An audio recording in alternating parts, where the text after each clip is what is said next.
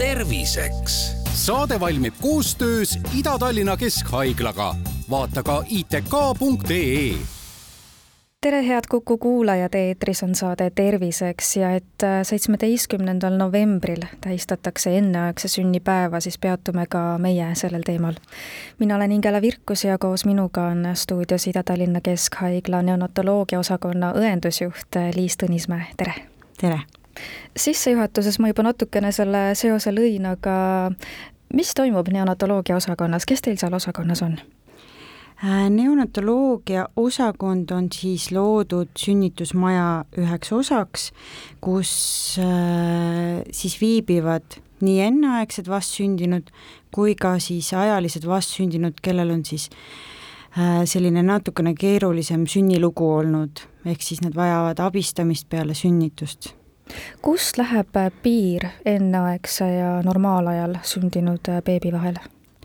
enneaegselt sündinud äh, vastsündinu on siis äh, äh, sündinud enne kolmekümmend seitset rasedusnädalat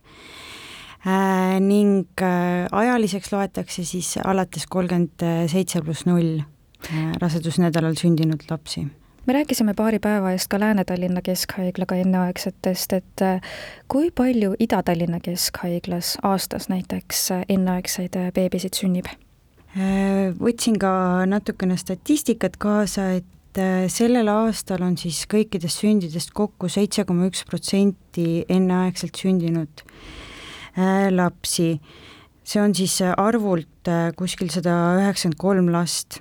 aga lihtsalt võrdluseks ka, et eelmisel aastal oli see protsent kuus koma kaks, kui siis sünnitusi kokku kokku on, või sündinud lapsi kokku on kolm tuhat kolmsada viiskümmend üks, siis nendest kakssada üheksa on enneaegselt sündinud. mis seisus nad on? sõltuvalt siis nende gestatsiooni vanusest, millal nad on sündinud, võivad nad siis olla, kui, mida hiljem nad on sündinud, seda paremas seisundis nad on kui me räägime näiteks äärmiselt ebaküpsetest enneaegsetest, kes on sündinud kakskümmend kaks pluss null kuni kakskümmend kolm pluss kuus rasedusnädalal, siis äh, nemad äh, sünnijärgselt äh, vajavad ikkagi väga palju sekkumisi, et toetada kopsufunktsiooni, toetada siis äh, naha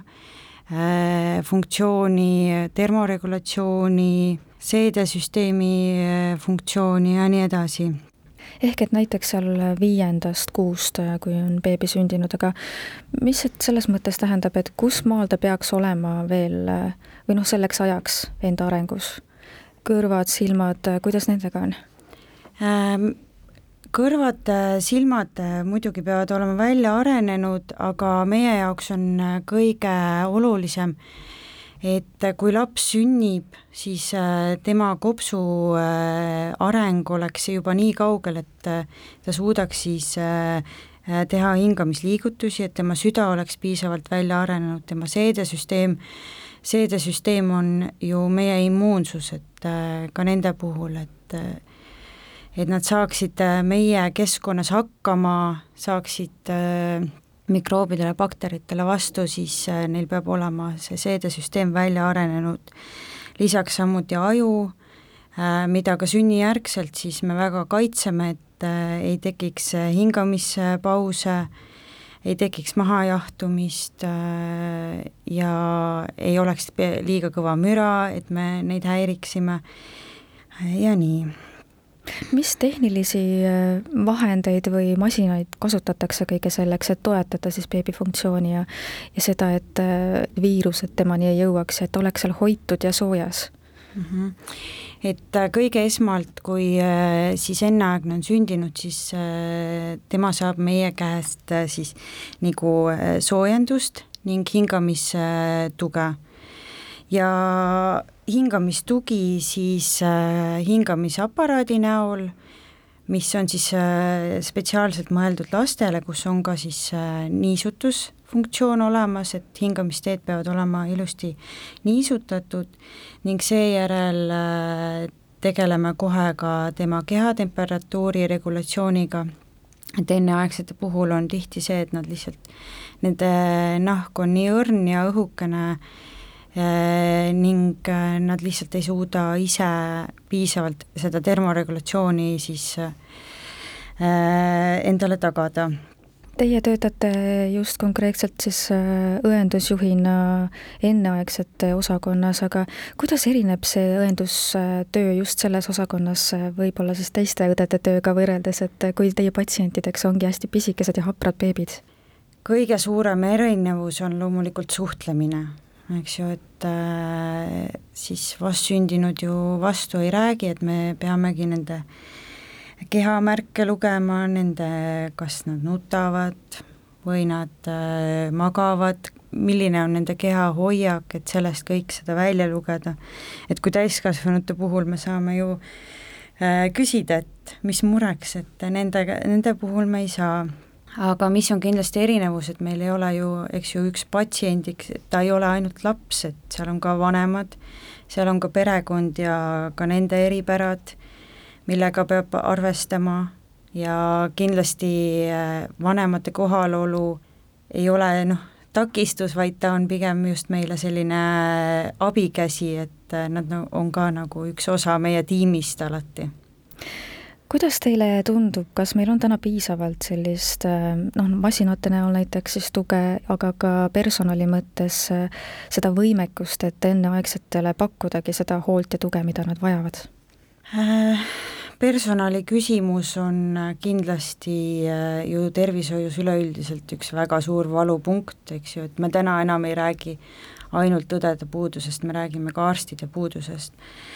et äh, kui ma täitsa algusest alustan, siis äh, kuidas saab üldse õde laste õeks laste intensiivravi osakonda, et see algab, peaks juba algama koolist kõrgkoolist ja